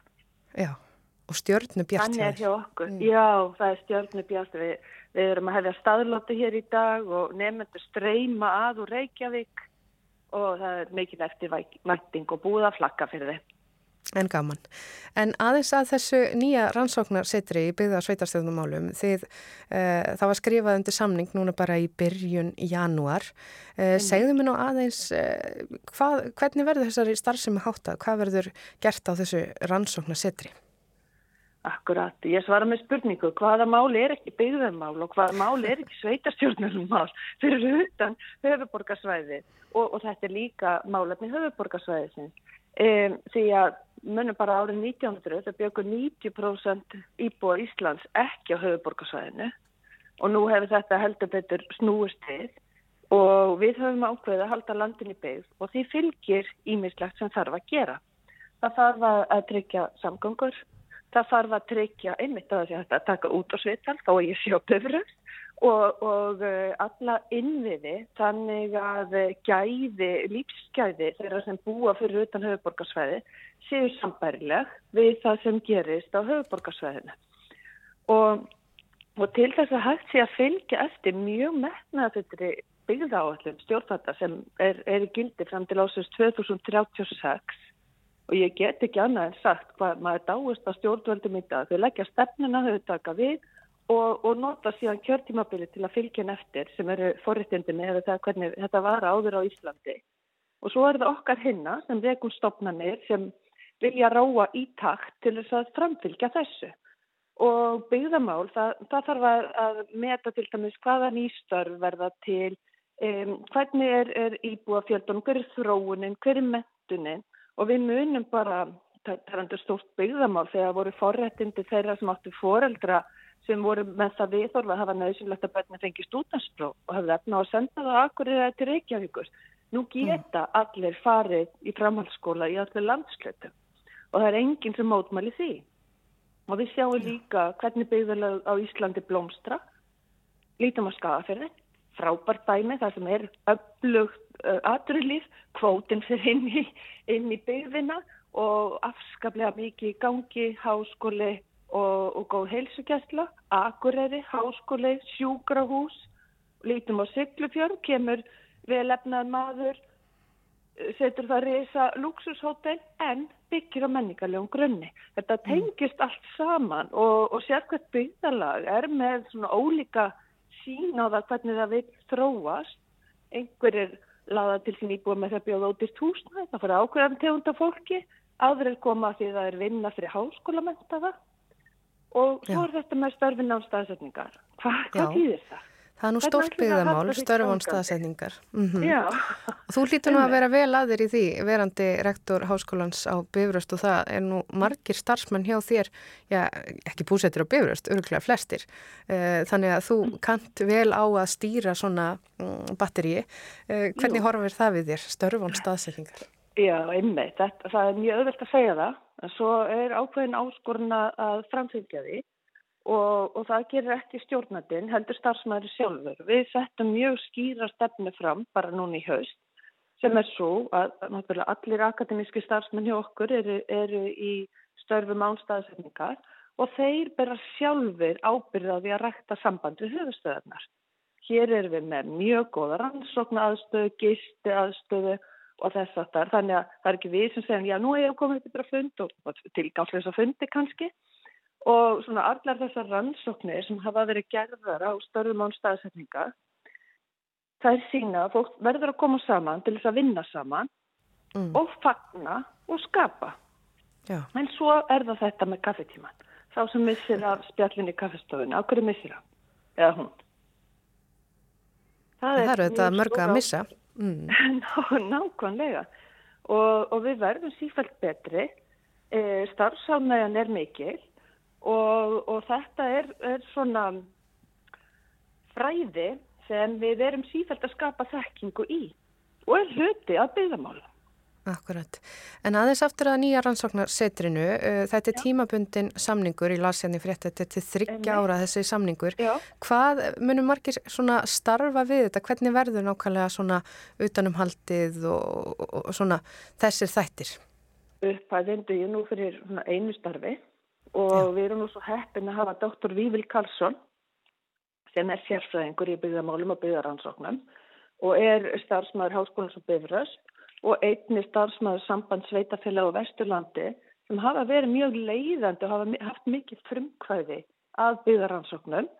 E, síðan er við með doktor Bjarka Gröndberg sem er einmitt doktor og býr í Norðrádalna, er hérna, og, mm -hmm. og þeir munum saman leiða þessa vinnu, við munum gera, uh, verk, vinna verkefni fyrir stjórnvöld, þau sem þau byggja um og svona slá taktin í að tengja þetta saman því að byggðamál tengjast mjög sterklega sveitastjórnamálum og, og það er ekki lítil ábyrg sem lögðir á sveitastjórnafólk um allt land. Eh, þú veist, þau þurfa að vera með ótrúlega marga hatta á meðan til dæmis að höfuborgarsvæðinu þá höfum við sérfræðing hér, sérfræðing þar og þetta mm -hmm. munar kífulega miklu og Já. Eh, mikilvægt að styðja við þetta með rannsóknum. Akkurat. Eh, aðeins svona almennt eh, um byggðamál, þetta er auðvitað stort viðfársækni eins og þú hefur komið inn á að viðfemt um, og svona sem rektor háskóla á landsbyðinni þá, þá færst þú nú eiginlega bara við byggðamál á hverjum degi en þetta er nú ofta umræða sem fer í svona eitthvað skotgrafin, má segja. Hvernig blasir umræðan um byggðamál svona við þér? Alls ekki, mér finnst þú ótrúlega spennandi mm. vegna þess að, að þarna eru við að skapa þekkingu, það er verið að búa til þekkingu og ef þú ert góður stjórnandi þá áttu ávalt að taka gagnadreifnar ákvarðanir, þú átt að mæla þú átt að þreyfa á og finna og taka síðan ákvarðanir e, byggðar á því þannig að e, Vitaskuld er erfitt fyrir fólk sem er alið upp við ákveðna menningu eins og til dæmis Siglufjörður og Ólasfjörður. Nú er þetta samilegt sveitafélag og fyrst þegar ég fór að vera Siglufjörður fyrir sex árum var þetta rosalega mikið mál. Nú talar enginn um þetta. Það er allir, allir sáttir og finna styrkir. Mm. Af því að þú ert nefnilega svolítið út um allt líka, Margreit. Þú, þú ert rektor á, á, á Bifröst en svo hefur ég búsættu við það, til dæmis á Sigluferði og, mm -hmm. og ert nú líka í Reykjavík. Það má segja að þú sérst svona, þú ert út um allt. Þú ert flökkukind. Akkurát. Þannig að þú hefur svona þá sín líka. Já, það gefur manni fórsandur til þess að finna kraftin í góðum byggðaransóknum og hvað er geta gert fyrir okkur. Og til dæmis að maður lítið til Spána sem er náttúrulega land sem ég er sérfræðingur í þá var Felipe González fórsættisáður að Spánara í, í loku nýjönda áratörins hann ákvaði að leggja hraðlist til Sevilla. Hann ákvaði að fleitja stopnarni til Sevilla. Og það breyti Sevilla úr lummulegu smáþorpi yfir í geggja stórborg. Það er nefnilega það það er þessi innviðir þessi grunnstruktúr sem er svo ótrúlega mikilvægur fyrir sérkvæð byggðalög og, og líka kannski að því að ég er alveg upp í Reykjavík búin að vera húsmaður í 101 þá finnst mér, þá, þá finn ég ekki til svona uh, sektar yfir því að, að tælja það bara algjörlega nöysulegt að hafa samgöngur í lægi vegna þess að það má ekki vera óg fyrir íbúin að, aka út af bænum. Uh mhm. -huh. Akkurat. Um, Margreit, aðeins að, að sko bara bifröst núna. Um, Sko, hvernig eru marg, sko það eru auðvitað margi nefnundur við háskólan og þið bjóðuð upp Já. á fjarnám, en eru margi nefnundur sem kjósa að búa á bifröst? Nei, þeim fyrir fækandi vegna þess að nefnundur við háskólan og bifröst það aldrei verið fleiri, það eru 1100 kennitölur í skólanum, 41% nefnund okkar búa á landsbyðinni, sem þýðir það að þeir eru í námi heima hjá sér út um allt land og nota mentununa sem verður öðlast í heimabið. Nokkuð sem er afskaplega mikilagt og svo hefur mistaranámi hjá okkur, það hefur uh, fjölgastyrst langmest vegna þess að barnafjölskyldurnar, fólki með liklu börnin, þau, þau velja að taka meistarnám og koma síðan hingað á staðlötur. Við erum með hins vegar í skólahúsnaðinu höfum við flóta fólk frá Úkræðinu núna. Já, ymmit. Eh, það komu alveg fjöldi flótafólks til ykkar. Já. og eru allir hérna enn sem að komu og, og hver er svona staðan á því? Nei, það passar ekki mjög vel að vera með flótamannabúður og háskóla, hins vegar passar mjög vel að vera með eh, fallega, hlýlæga og hjartnama móttökustöð fyrir flótafólk. Mm. Þau koma hinga, ná áttum, það er frábær íslensku kjænslu á staðnum því það er eitt sem að við höfum kannski ekki verið nógu duglega að koma til skila að við háskólinu byrjast er hægt að læra íslensku sem er lengt mál. Þannig að þeir sem að vinna vöktum út um all land eiga að geta stundanámi íslensku frá byrjast.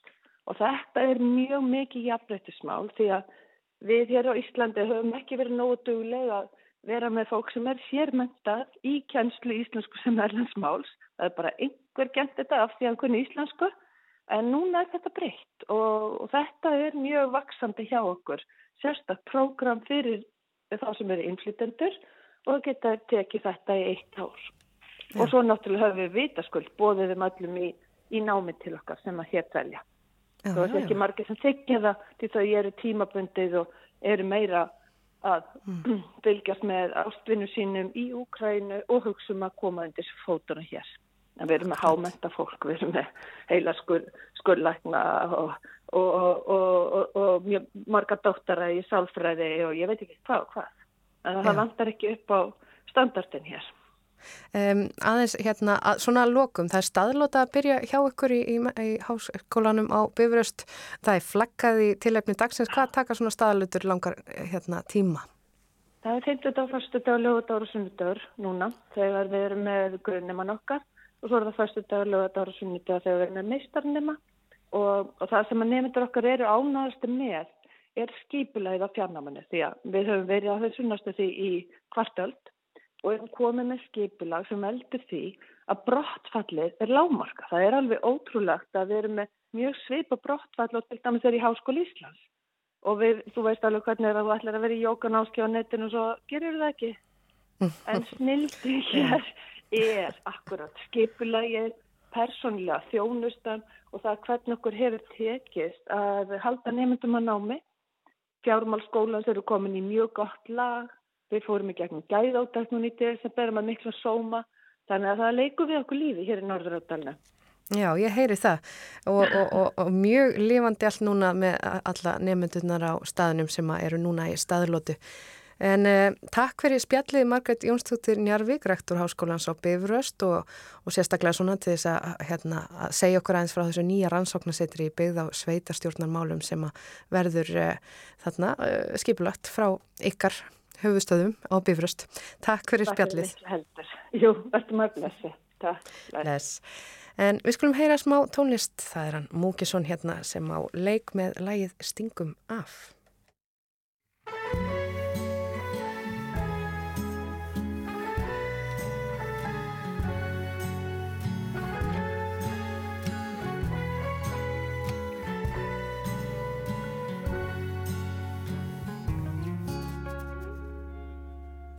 Það er andvöku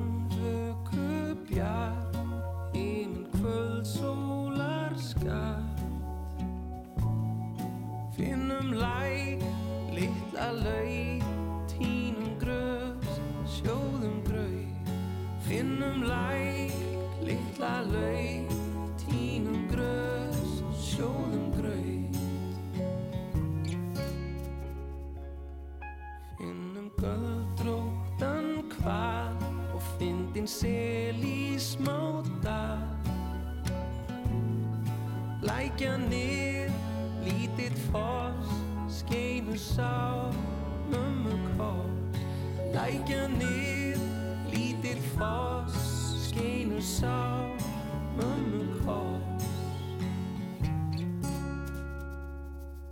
Stingum að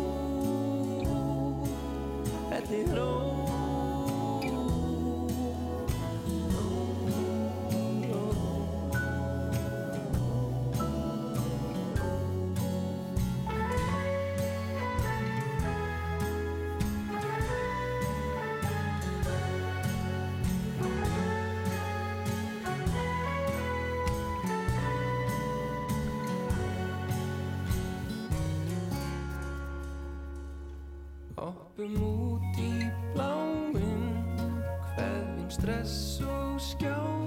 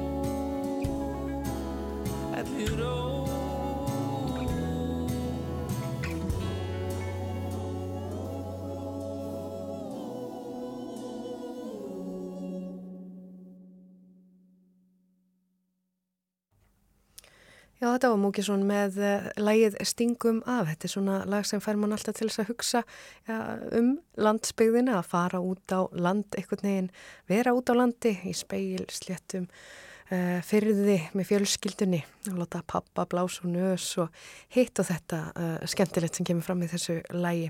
Og það eru örgulega margi byrjaðar að huga að, eða allavega einhverjir, uh, æfintýrum sumasins. Það er allavega byrjaðar auglýsingar um tjaldvagna og ímislegt svona sumarlegt. Um, en það líður hér að ferjetta yfirliti og auglýsingum og svo komum við aftur og ætlum að spjalla um þjóðsöng okkar Íslendinga.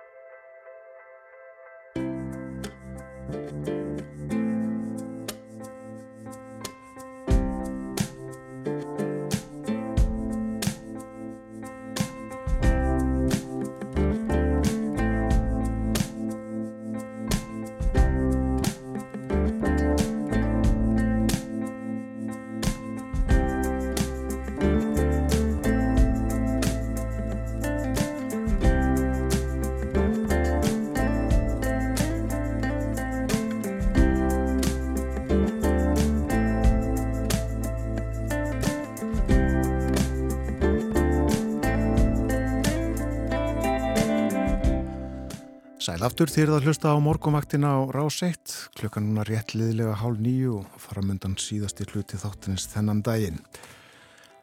HM í handbólta er í fullum gangi. Sigur vannst gegn grænhöfðeiningum í gær og á morgun mætir Ísland Svíþjóð. Svíðarnir eru góðir, mjög góðir og leikaðu þá heimavelli. En já, við sjáum ekki bara leikina í sjónvarpinu, við heyrum líka þjóðsöngin sem er heyra bara þjóðsöngin fyrir íþróttar landsleiki. Eftir fyrsta leikin gegn Portugalum í síðustu viku þá skrifaði Gunstein Ólafsson, tónskáld og tónlistamadur á Facebook til utan hefst HSI stendur sér vel á hensmestramótinu í Svíþjóð nema á tónlistasviðinu. Þjóðsöngurinn er afskræmdur fyrir leik með allt of hröðu tempói og brítur reynlega sæmdarétt tónskálsins. góðan dag og velkomin í þáttingunstin. Já, góðan daginn. Já, stór orð þarna, en uh, þetta er vissulega hrattleikið, mjög hratt, en er sagt, til hinn rétti hraði, rétta tempo þjóðsamsins? Þetta er góð spurning. Jú, það, er, það stendur andante í sem yfirskrift tónskáldsins, Sveinbjörn Sveinbjörnssonar og þetta er sami sem sálmalag.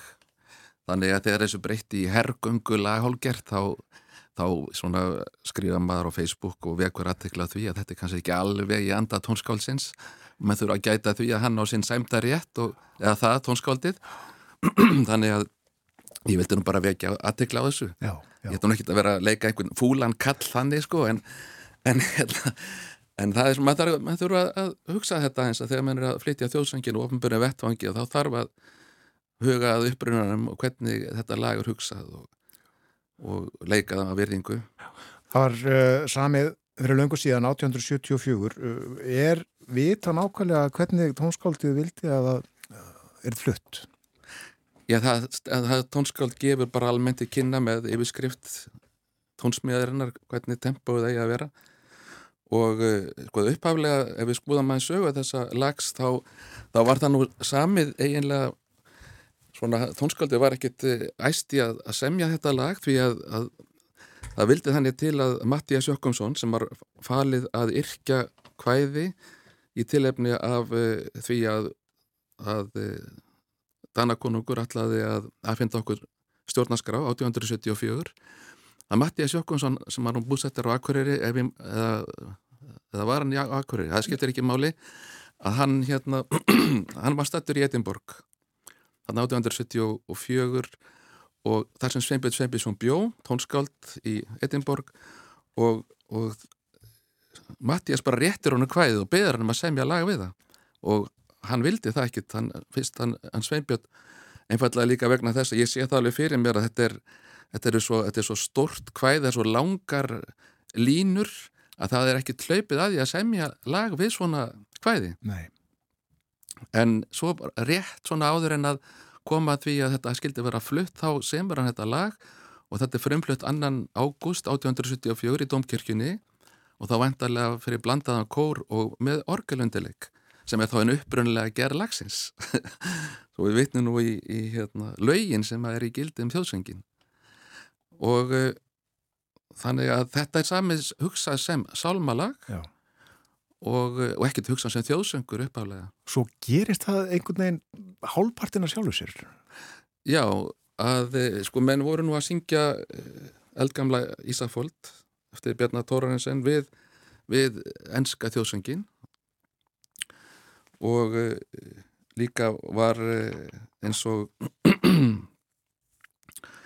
skal ég segja þér Ég vil elska mitt land eftir Bjarnar Þorsteinsson þjóðlaga samnar á Siglufjörði menn voru að syngja þessi lög og en, en og Guðvoss lands, þjóðsöngurinn hann, hann vinnir sér ákveðin svona rétt á árunum frá 1874 fram til 1918 og árið 1918 þegar við þegar eh, fullveldið kemur að þá er þjóðsöngurinn, eða þá er þetta lag kynnt sem þjóðsöngur Íslandinga. Já, en það er ekki fyrir 1983 sem að settur lög um þjóðsöngin. Einmitt.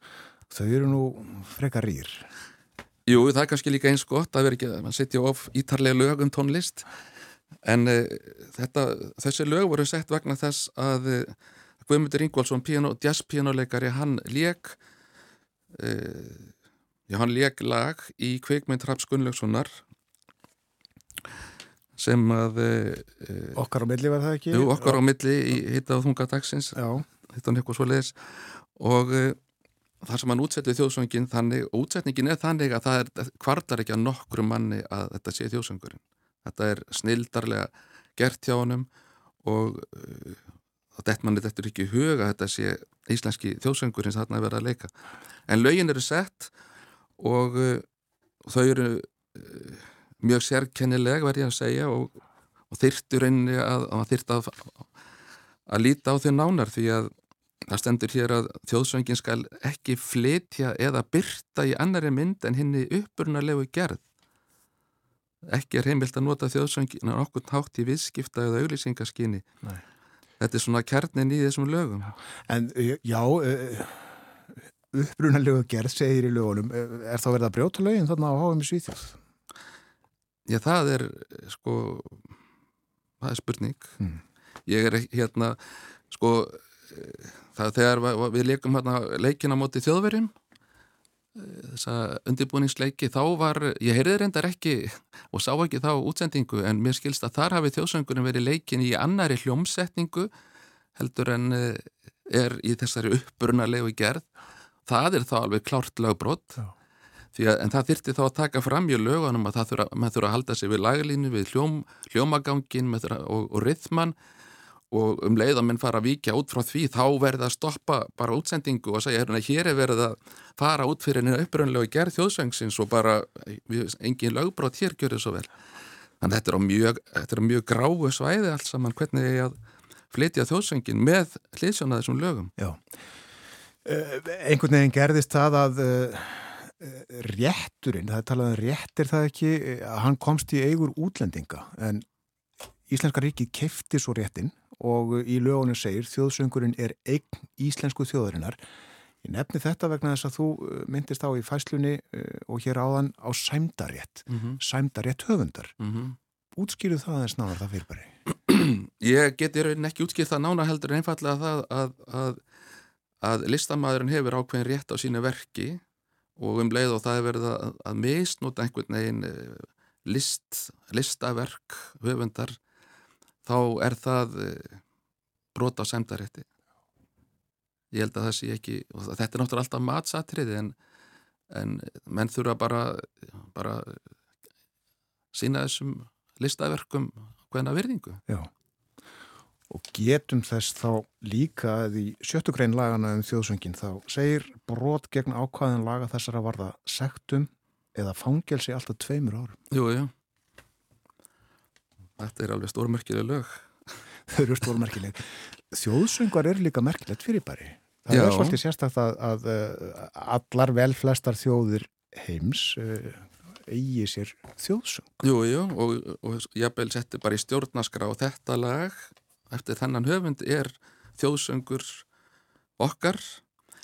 Og uh, ég fór aðeins að, að því að þú baðst með maður að koma einn í þátt en þá fór ég aðeins að velta fyrir mér þjóðsöngum í landan og hvernig þeir verða til. Við myndumst aðeins á það hvernig þjóðsöngur Íslendinga var til í Edinborg.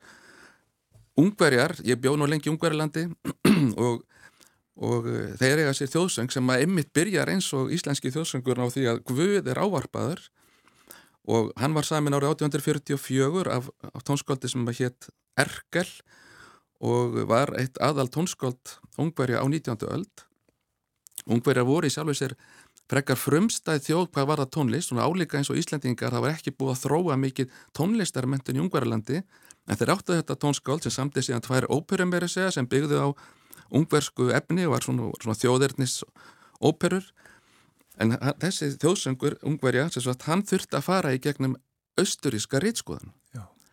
og þá var það í rauninni efni gæti þá ekki verið mjög politist, þeir gáttu ekki haft textan á borðu við eh, áfram. Ungverðarland berjumst fyrir ja, okkar rétti verum sjálfstæð þjóð og svo framvegis.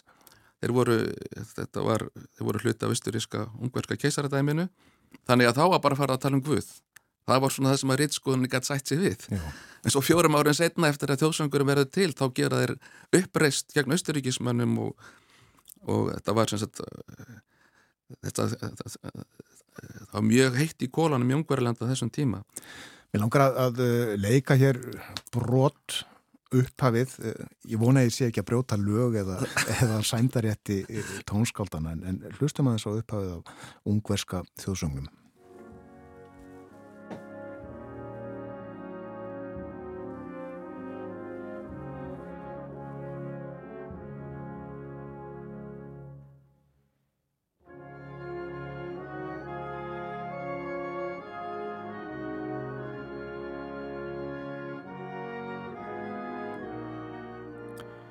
Fallegt. Já, þetta er mjög líkt íslenska þjóðsögnum á, á mörgu leiti Mm. reyndar í ratsviði minna heldur en íslenska þjóðsögnum Já, það er nú eitt. hann er nú ekki fyrir almenning að syngja, ekki allan almenning allavega, svo íslenski. Nei, en það er samt, þetta er, er glæsilegur, þetta er glæsilegur þjóðsöngur sem við eigum og, og við getum verið stolt af honum. Annar þjóðsöngur eins og norski þjóðsöngurinn, hann er samin þarna í, svolítið setna, hann er samin í kringum 1860 og þá eru normið náttúrulega vakna til vitundar um, um sitt um eigin þjóð og, og þeir uh, gafkvartunum og semja sín þjóðsöng, það er Björnsteini Björnsson sem að yrkjur og, og Nordrock sem að semur lægið og þá er bara svungið um, um fegurð landsins Já.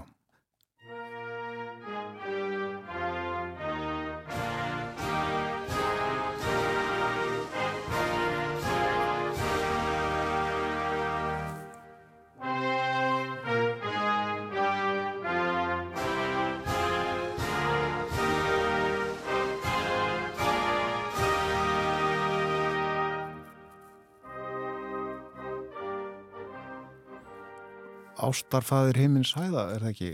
svipar því lagi. Það er hérna svo gerist það í, í, í Noregi 2011 þegar eh, voðaverkin eru framinn í útei að þá er eins og að, að þeir vakna eftir til meðvitundar um mikilvægi músikur hvað hún getur haft sterk áhrif á, á þjóðarsálina og mikilvægt að samina þjóðina. Og þá er músikin eitt sterkasta afli til þess að samina þjóð og þá verður til lag sem að heitir Mitt lille land eftir Óle Pás sem verður eiginlega hálgerður nýr þjóðsöngur normanna og e, þannig að, að, að það var nú niðurstaðan að, að, að norska stórþengi það samþykti e, nokkru setna að að lægið Já, við elskat þetta landet sem við vorum að spila það væri þjóðsöngu normanna því það var eins og að þetta nýja land, mitt lille land eftir Óli Pás ætlaði hreinlega að fara að velta hinum þjóðsögnum úr sessi. Bítlarnir fengu að láni upphæfið af franska þjóðsögnum.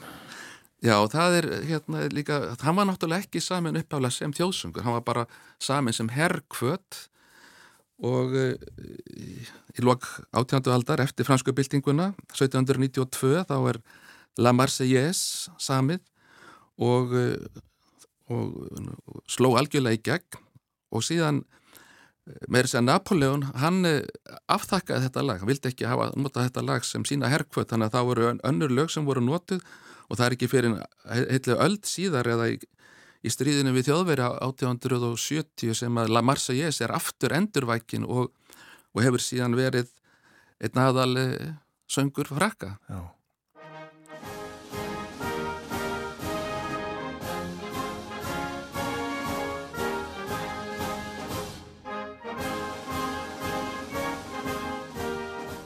Þetta er rætt. Já, þetta er kannski leikið óvinnilega rætt þarna, en uh, þetta er náttúrulega hrein herrkvött og, og gjör ólík músík uh, ef við miðum íslenska þjóðsöngin. Þannig að maður hefur á tilfinningunni þegar verið að leika íslenska þjóðsöngin á, á, eins og á HM núna, að það er verið að gera hann að hálgeri herrkvött með því að hraða tempóinu og við viljum að syngja þetta bara svona eins og, eins og hermars. En það er náttúrulega, þetta er gjör ólíkt eðli lagana. Já berja okkur svona baráttu andi brjóst. Já. Mm. Við erum nú ekki með dæmi, tóndæmi úr, úr uh, þeim bandaríska en hann er auðvitað uh, við ja. þeir nota hann talsverð mitt. Við Íslendingar heyrum okkar þjóðsöng uh, já, flest hverju yfirleitt bara eins og ég saði á hann í tegnslu við Íþróttalandsleiki en það má nú geta þess að hann er leikinn hér vikulega á rási eitt á miðnætti á sunnundaskvöldum var nú einu sinni alltaf leikinn í sjónvarpinu reglulega en uh, því var hætt einhverju hluta vegna. En já, sá bandaríski notaði mikið. Já, mér er að segja Puccini notar hann í óperunni, eh, óperunni hérna, Madame Butterfly og uh, vittnar í hann svona þegar Pinkerton uh, kemur siglandi inn í sundin og, og Madame Butterfly sér skipið koma inn þá er, er, bandari, er stefu bandaríska þjóðsönum leikið og ég hættur um að ef að lögin okkar um þjóðsöngin verður gildi í bandarækjunum þá væri ekki hægt að leika bandaríska þjóðs eða hérna flytja óperuna Madame Butterfly í bandarækjunum því að ef þá flytja lægið alltaf í upprunleiri gerð þá væri ekki hægt að flytja óperuna í, í bandarækjunum Þess vegna er þessi lög líka svona mjög á gráu svæði. Já. Já, þjóðsöngvarnir eru uh, alls konar, uh, en er, greinir svona einhvern munmilli heimsálfa eða heimsluta á þjóðsöngum? Já, eins og hérna í Suður-Ameríku, þar eru, eru þjóðsöngvarnir, eða svona það sem ég hef heyrt, að þeir eru eins og í Brasilíu, þar er þjóðsöngurinn minnir að mjög á Rossini, á óperuatriður Rossini, það er maður brosir alltaf í kampin þegar maður heyrir brasilíska þjóðsöngin því að það er eins og Rossini hafi verið fengið til að semja hann í upphafi, upphafi 19. aldar. Já, en svo var ekki. En svo var ekki. Ef að hlusta? Hlustum aðeins og hann.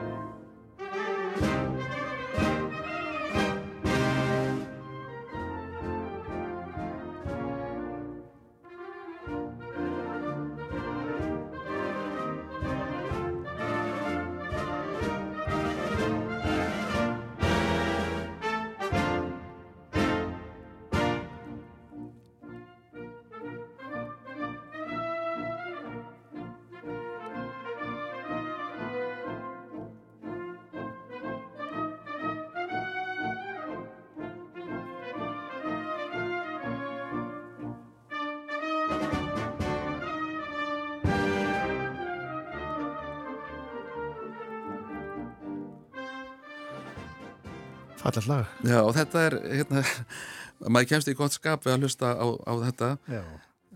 En svo eins og í, þegar Afrikuríkin voru að fá sjálfstæði miða 20. öld, þá eh, er eins og þau hafi öll, mörg hver tekið upp svona hergöngumarsa sem, sem þjóðsöngva og eh, maður spyr sér, er þetta hluti af henni evrósku, nýlendu kúun að vera að taka upp evrópska hergöngumassa í staðin fyrir bara að, að spila músík sem er runnin upp úr þeirra eigin farfi. Emmitt.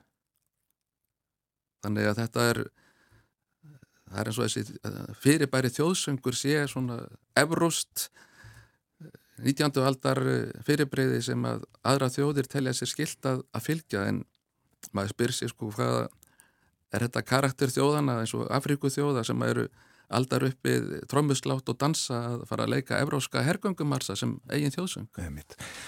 Nöndum aðeins lögin hérna á hann þjóðsöngin frá 1983, þar segir, eins og við gátum um áðan, þjóðsöngin skal ekki flytja eða byrta í annari mynd en henni upprunalögu gerð og uh, við töluðum um hraðan hérna áðan, annar langar með að nefna og það er það að þjóðsöngurinn, íslenski lofsöngurinn eru þetta þrjú erindi en yfirleitt er nú bara það fyrsta flutt. Já, já. Er það þá ekki lögbrot líka? Það er líka spurning. Og Guð og Guð við erum föllum fram, svona hefst annað erindið. En uh, þér finnst vænt, þykir vænt um íslenska þjóðsyngi? Jú, jú, þetta er, þetta er mjög falleg tónsmið og, og mér finnst þetta að við getum verið stolt af þessum þjóðsyngu okkar. Sumir segja að það er að skipta því að við erum svo erið með að syngja Einmitt Sko það er, það er þetta er mjög skemmtileg umræða sko, þurfum við nýja þjóðsöng? Einhvern sem er höfðar meira til almennings og er auðveldar að syngja. Og menn hafa nefnt að Íslandi eru um skorið að syngja þann frekar. Sko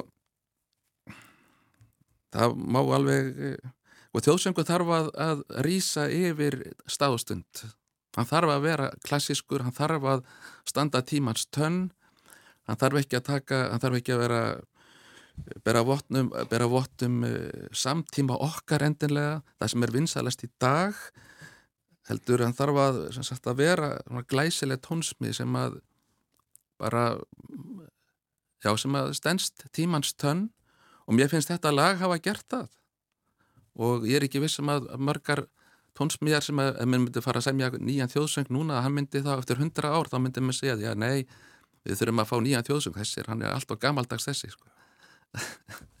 Svo uh, er auðvitað sjálfsagt að nefna það að það fyrir, fyrir brjóstuð á sumum líka að þannig er auðvitað fjallað um almættið. Guð, Já, já, ég mitt Það tröflar einhverja. Já. En uh, við hefum rætt þetta vitt og breytt og maður geta þess að vef stjórnaráðsins er að finna uh, nótur fyrir bæði sinfóníu hljómsveit og lúðrasveit. Og þarna er útsett fyrir hvert einasti hljóðfæri bara sem til er nánast. Já, já, það er bara sem til er þessari svona þessum hljómsveitum Já, akkurat þannig að fólk ætti að geta náð sér í þetta. En uh, já, hann er uh, hraður og hraður uh, þessi útgáfa sem að leikin er í Svíþjóð fyrir landsleikina í handbólta þar. En heldur þú að, að, að þetta muni hafa áhrif til frambúðar að fólk hvari að spila svona rætt? Já, það er góð spurning.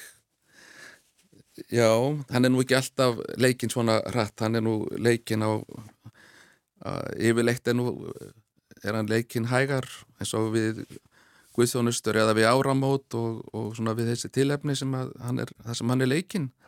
Þannig að ég í sjálf og sér hef nú ekki ágjur að því, ég held, ég held að þetta sé, en það er allt í lægi að, að þessum að valda eða áhalda í þessu sambandi að þeir pæla eins í því hvaða gerð þjóðsöngsins er leikin að þetta sé ekki bara eitthvað tekið og eitthvað spilað heldur að, að, að menn svona vandi valið og, og sérstaklega þetta með Þískalandsleikin hvað menn ef hann hefur verið fluttur í annari hljómsetningu heldur en uppaflega gerðin þá, þá er það mjög sérstakt. Já, og þeir sem að stóðu að því ættu þá réttilega að fara í fangelsi þessum lögum sem við hefum mennst á hérna við segjum þetta gott umfjöllunum þjóðsöngin Íslen, íslenska. Takk að kellaði fyrir að koma í þáttinn Gunstein Ólafsson. Gunstein tónskáld og tónlistamæður